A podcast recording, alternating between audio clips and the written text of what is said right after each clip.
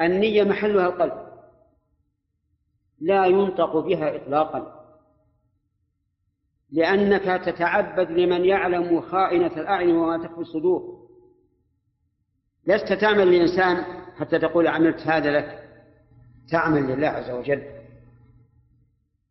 ولهذا لم ينطق النبي صلى الله عليه وسلم بالنية أبدا. والنطق بها بدعة. ينهى عنه لا سرا ولا جهرا. طيب إذا قال قائل قول الملبي لبيك اللهم عمرة وحج أليس هذا نطقا بالنية؟ فالجواب لا؟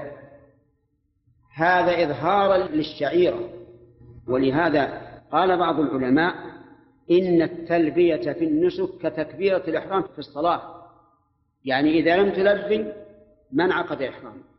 كما أن تكبيرة الإحرام لو لم تكبر ما انعقد الصلاة.